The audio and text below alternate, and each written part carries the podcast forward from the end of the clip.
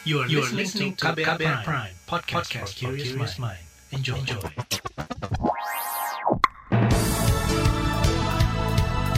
Halo selamat pagi Indonesia, selamat pagi saudara Saya Reski Mesanto kembali hadir di Buletin Pagi Edisi hari ini Selasa 22 Desember 2020 Pagi hari ini, seperti biasa Tim redaksi KBR telah menyiapkan sejumlah informasi untuk Anda di antaranya, KPK periksa dugaan keterlibatan anak sulung Jokowi dalam kasus korupsi proyek Bansos COVID-19.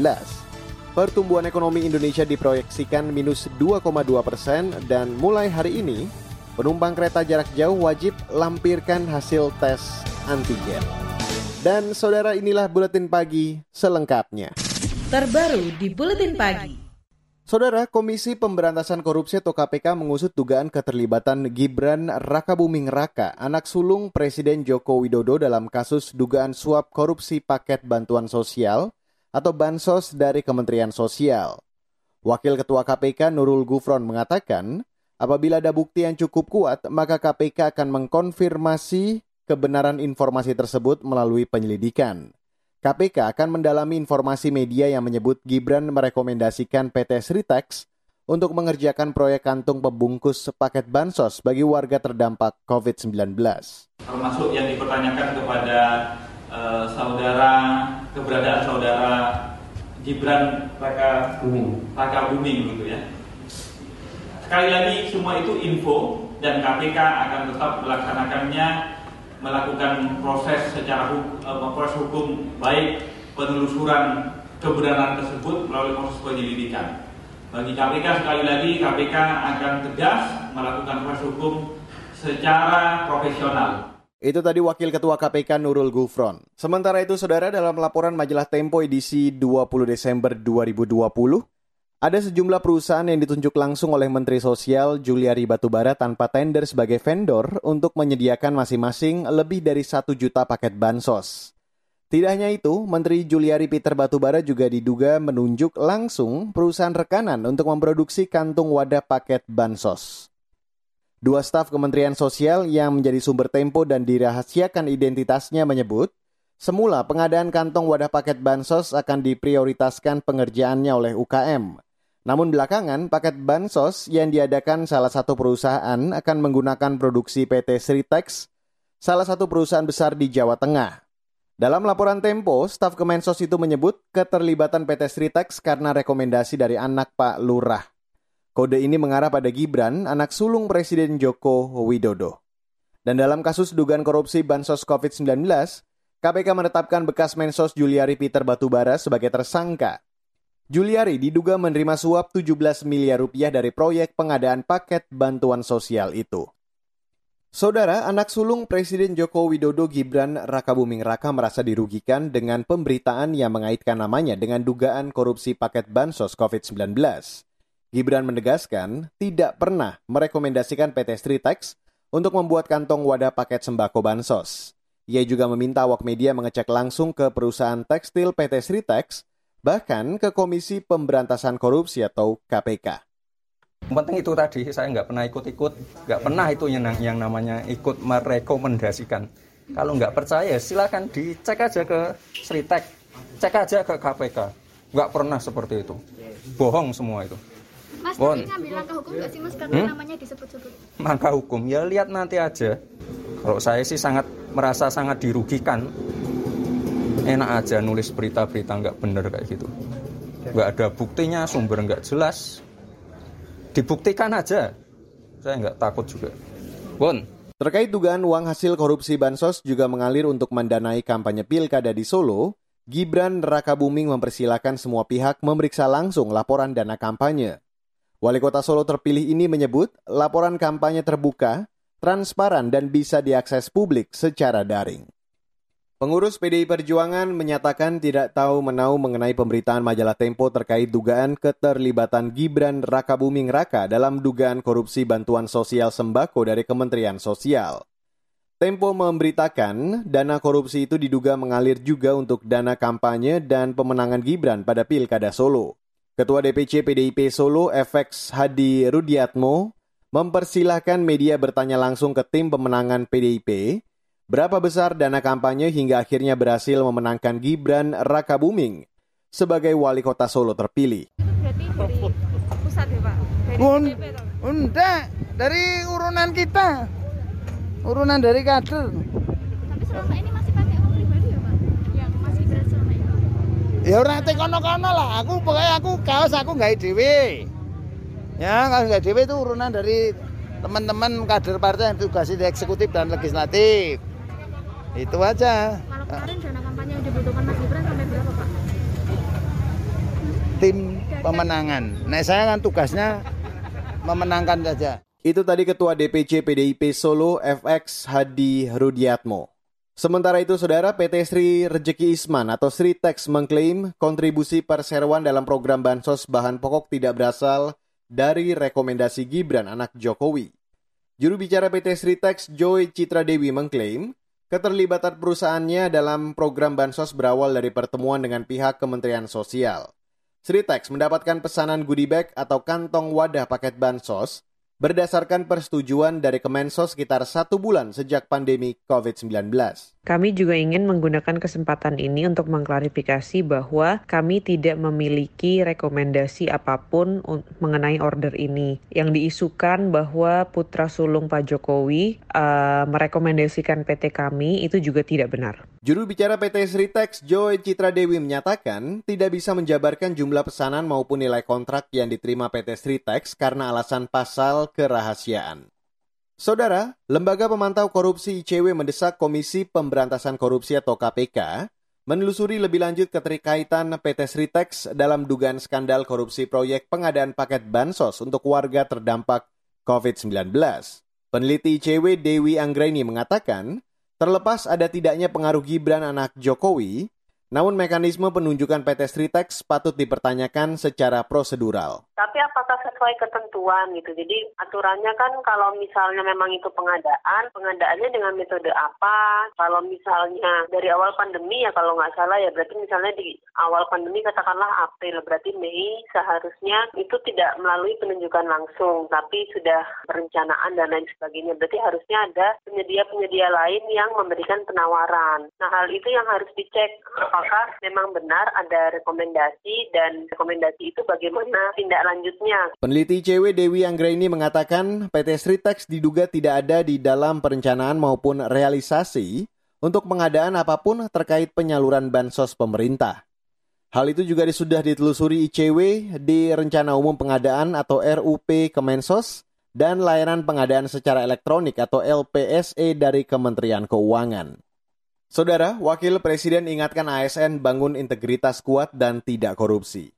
Informasi selengkapnya akan kami hadirkan sesaat lagi. Tetaplah bersama kami di Buletin Pagi KBR. You're listening to KBR Pride, podcast for curious mind. Enjoy!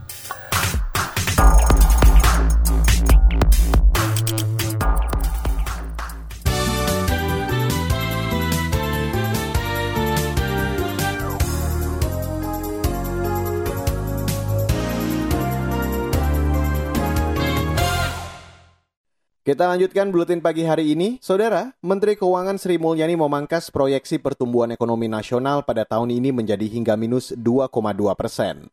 Angka itu jatuh semakin dalam dibandingkan prediksi sebelumnya, yaitu berada di rentang minus 1,7 hingga 0,6 persen.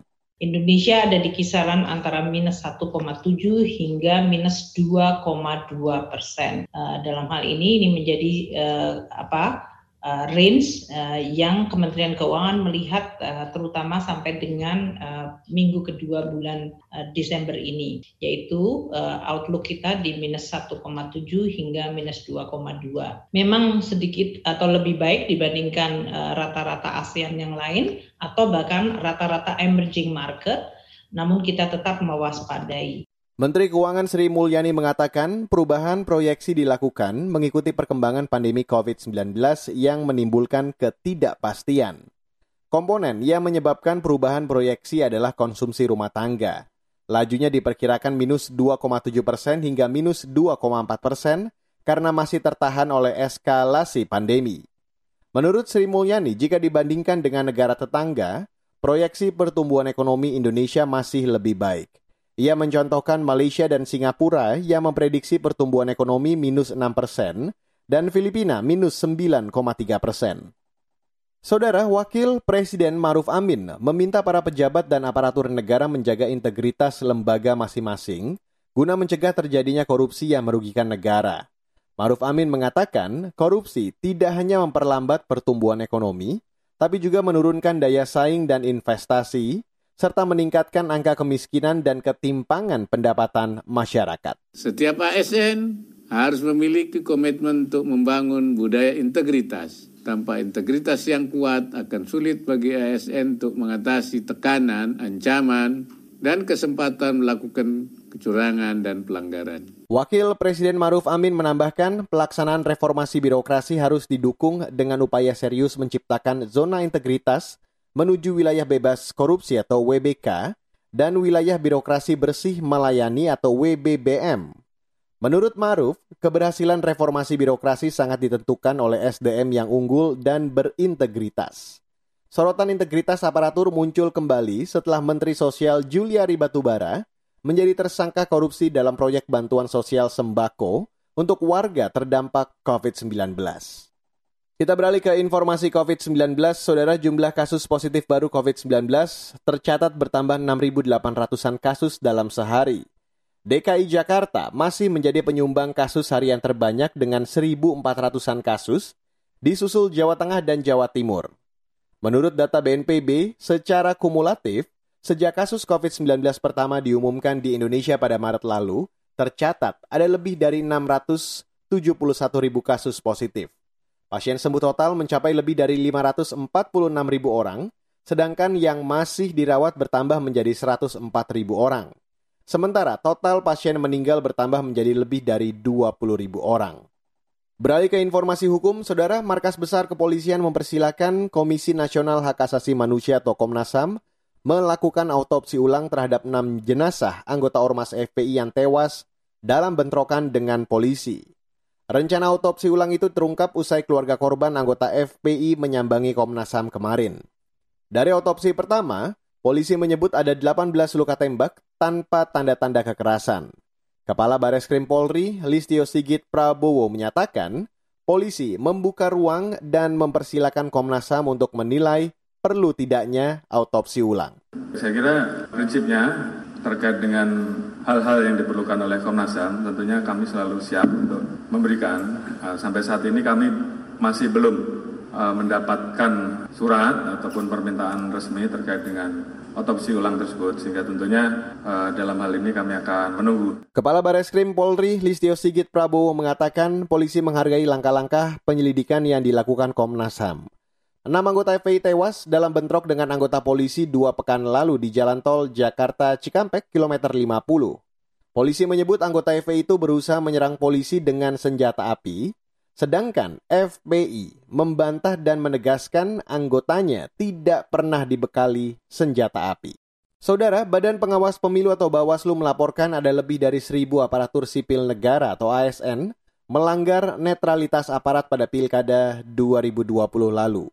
Ketua Bawaslu RI Aban mengatakan, data itu telah dilaporkan ke Komisi Aparatur Sipil Negara atau KASN untuk ditindaklanjuti.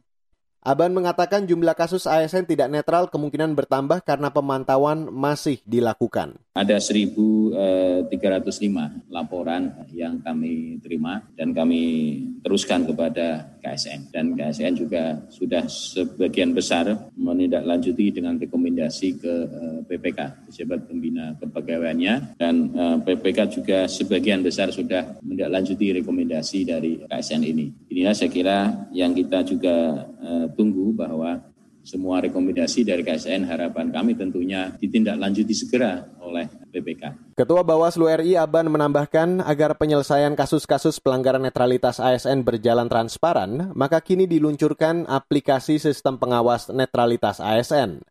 Aplikasi itu diberi nama Sinden dan SiapNet. Keberadaan dua aplikasi itu diharapkan bisa meningkatkan pemantauan dan pengawasan kode etik dan kode perilaku aparatur sipil negara. Kita beralih ke berita mancanegara, saudara. Virus corona penyebab COVID-19 yang bermutasi di Inggris diduga telah menyebar sampai ke Australia. Otoritas Kesehatan di Australia menyebut varian baru virus COVID-19 ditemukan dari dua pelancong asal Inggris yang tiba di New South Wales. Virus mutasi ini disebut-sebut memiliki kemampuan menyebar 70% lebih cepat. Meski begitu, otoritas di Australia memastikan peningkatan kasus penularan di Australia belakangan tidak terkait dengan varian baru virus COVID-19 itu. Varian baru virus COVID-19 hasil mutasi membuat sejumlah negara menghentikan penerbangan dari Inggris di antaranya Kanada, Iran, dan Hong Kong. Sementara negara lain di Asia mempertimbangkan untuk menerapkan aturan baru terhadap penerbangan asal Inggris.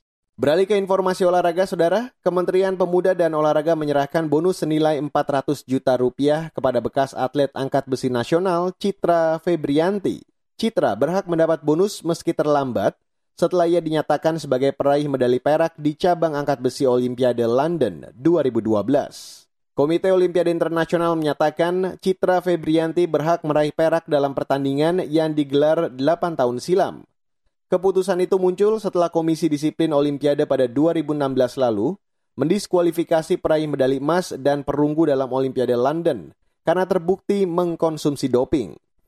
Dengan keputusan itu, maka Citra Febrianti yang semula berada di peringkat 4 langsung naik ke peringkat 2. Saudara, sesaat lagi akan kami hadirkan laporan khas KBR tentang polemik aturan perjalanan saat Nataru. Tetaplah bersama kami di Buletin Pagi KBR. You're listening to KBR Pride, podcast for curious mind. Enjoy!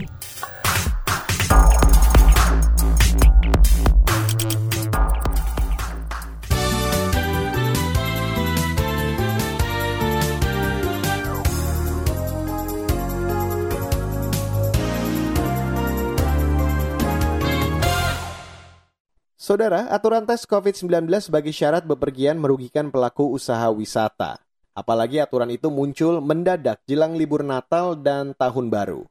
Tak sedikit pula warga yang mulai berpikir ulang menunda perjalanan. Simak laporan tim KBR yang akan dibacakan Dwi Renjani dari customer sendiri yang ah kalau kayak gini saya batal lagi deh saya nggak jadi pergi. Tapi memang sudah ada Rian pusing tujuh keliling menghadapi kemungkinan bisnisnya buntung jelang akhir tahun. Pemilik Biro Perjalanan Always Tour di Yogyakarta ini cemas konsumennya bakal membatalkan atau menunda paket wisata ke Bali. Pasalnya, ada aturan wajib tes PCR dengan hasil negatif bagi penumpang jalur udara tamu saya jadi berpikir ulang, bukan cancel tapi dia masih pikir-pikir dulu, masih wait and see apakah ini kebijakannya akan tetap dilakukan atau tidak, karena kan dengan ada kebijakan tersebut pasti akan menambah biaya lagi dan dia sedikitnya setidaknya bikin orang khawatir takut kalau misalnya ternyata dia positif. Memang sih itu baik, tapi kan mungkin beberapa orang mungkin dia takut. Rian hanya bisa pasrah menunggu respon konsumen dan bersiap menanggung kerugian. Ia mengeluhkan kebijakan pemerintah yang kerap gonta-ganti dalam waktu singkat. Jika Rian masih harap-harap cemas, Santi, pemilik Biro Perjalanan di Semarang, sudah jelas merugi. Dua rombongan pelancong ke Jawa Tengah membatalkan pesanannya. Ini lantaran ada aturan wajib menunjukkan tes antigen dengan hasil negatif bagi yang masuk provinsi itu. Aturan ini memupus harapan Santi untuk meraup sedikit laba di momen libur akhir tahun, apalagi sektor wisata nyaris mati suri sepanjang tahun ini akibat pandemi ini akhir tahun ini masanya kita sebenarnya untuk panen harusnya. Tapi tiba-tiba ada aturan seperti itu ya di satu sisi sebagai pelaku wisata ya pasti itu menyakitkan ya. Karena kita udah mau bangkit tiba-tiba diberi aturan itu. Pemerintah diminta turun tangan membantu pelaku usaha sektor wisata yang terdampak aturan syarat bepergian. Bentuknya bisa berupa subsidi biaya untuk tes COVID-19 hingga insentif lain seperti keringanan pajak. Ekonom Indef Tauhid Ahmad untuk sektor hotel, restoran dan sebagainya, ya mereka mendapatkan insentif lain yang real begitu. Misalnya saja pajak untuk tahun 2020 ini memang dibebaskan karena mereka kan rugi begitu. Termasuk juga insentif untuk tahun 2021. Terbitnya aturan tes sebagai syarat bepergian juga membuat warga bimbang. Rizky misalnya berpikir ulang tentang rencananya mudik ke Bandung saat libur Natal dan Tahun Baru. Mulai hari ini, PT KAI mengubah ketentuan tes antibodi menjadi tes antigen yang lebih mahal. Masih galau apakah gue pergi atau enggak karena gue perlu rapid atau enggak tadi kan gitu tadi gue pengennya naik kereta gue takut macet sebenarnya kalau naik darat cuma kalau misalkan naik kereta kayaknya butuh rapid itu biayanya lumayan juga gitu kan mahal kalau gue harus dua kali pulang pergi kalau buat rapid antigen iya sih karena harganya mahal kalau rapid biasa masih mending ya rapid biasa kan kayak seratus ribu doang kan kalau nggak salah Rizky enggan beralih ke angkutan umum atau kendaraan pribadi yang tidak mewajibkan tes antigen. Dalam surat edaran terbaru Satgas COVID-19, tes antigen untuk angkutan umum dan pribadi hanya bersifat imbauan. Rizky tak mempermasalahkan pembedaan ini.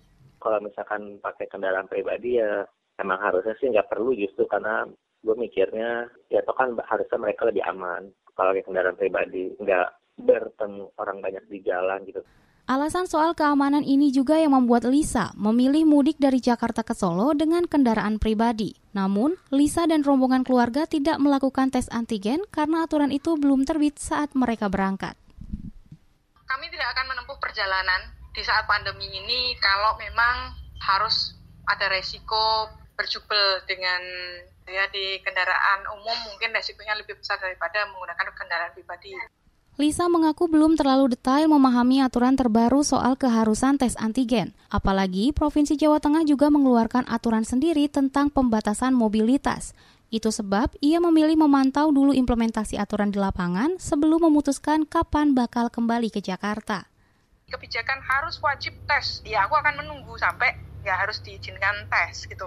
Karena apa? Bukan menghindari karena apa-apa ya. Tapi kalau aku tes dan malah meresikokan diri mengantri dan sebagainya itu ya aku mending di rumah aku nggak ke mana-mana Pembedaan perlakuan antara transportasi udara dan kereta api dengan angkutan darat disorot oleh Yayasan Lembaga Konsumen Indonesia YLKI. Tes antigen yang sebatas imbauan bagi pengguna kendaraan pribadi maupun angkutan umum dinilai diskriminatif. Padahal mereka sama-sama berpotensi menyebarkan virus corona. Pengurus harian YLKI Agus Suyanto. Nah ini kan juga hal yang lucu dan aneh. Karena apa? sama juga eh, pengguna kendaraan pribadi itu juga berpotensi untuk berbaur dengan orang lain ketika dia berhenti di rest area di tol misalkan. Itu juga akan sangat berpengaruh terhadap ketemunya orang-orang yang asing atau orang-orang lain sehingga hampir mirip atau hampir sama dengan bertemu orang-orang ketika menggunakan public transport. Demikian laporan tim KBR, saya Dwi Renjani. Dan saudara, informasi dari daerah akan kami hadirkan sesaat lagi. Tetaplah bersama kami di Buletin Pagi KBR. Commercial break. Ita Biliana, psikolog dari Lembaga Psikologi Terapan UI, memberi pesan kepada teman-teman Broken Home untuk meraih masa depan yang terbaik terlepas bagaimana kondisi rumahmu, bukan kondisi orang tuamu, itu ya kamu adalah individu sendiri yang punya hak dan punya kemampuan untuk menentukan nanti ke depannya mau gimana gitu. Jadi apa yang terjadi di belakang kamu tuh it doesn't define who you are atau yes. who will you be gitu aja, who you will be. Simak obrolan selengkapnya dalam podcast Disco Diskusi Psikologi dalam episode Masa Depan Anak Broken Home di kbrprime.id dan platform mendengar podcast lainnya.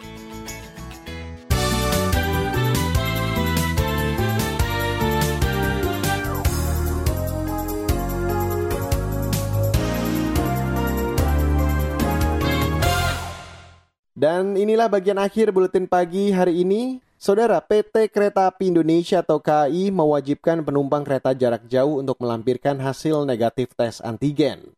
Aturan itu berlaku mulai hari ini hingga 8 Januari mendatang.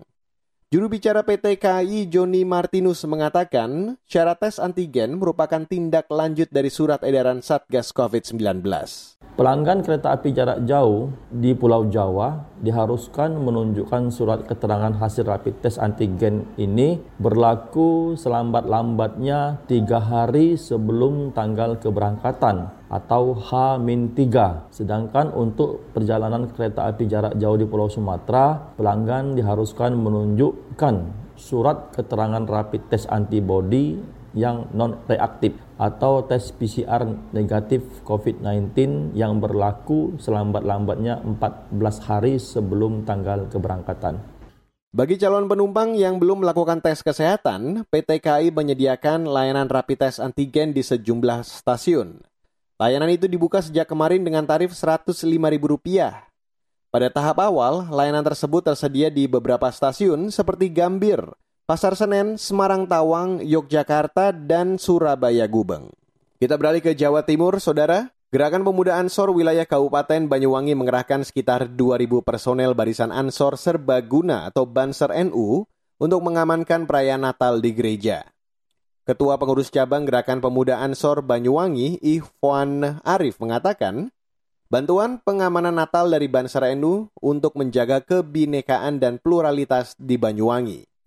Personel Banser NU dikerahkan untuk membantu pengamanan yang dilakukan kepolisian dan TNI. Kalau secara umum kita menyeluruh ya, se-Kabupaten hmm. Banyuwangi. Apalagi kita juga didukung oleh menyebarnya pasukan Banser di segala penjuru Banyuwangi, terus menyebarnya sahabat-sahabat Ansor di seluruh Kabupaten Banyuwangi. Hanya tetap yang menjadi prioritas adalah kegiatan-kegiatan yang bernuansa eh, apa religi atau keagamaan. Itu yang kami utamakan. Ketua Pengurus Cabang Gerakan Pemuda Ansor Banyuwangi, Ihwan Arif, mengatakan, Selain menjaga gereja, personel Banser NU juga dikerahkan untuk membantu aparat keamanan menjaga sejumlah objek vital di Banyuwangi.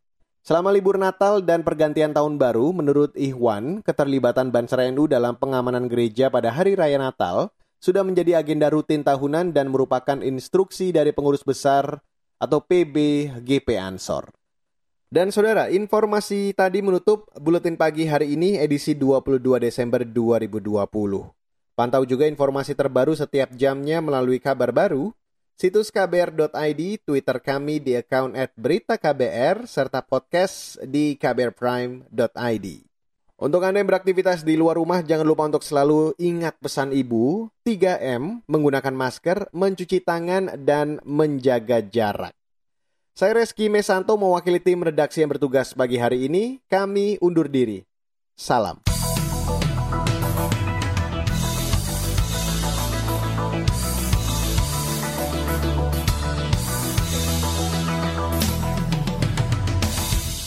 KBR Prime, cara asik mendengar berita.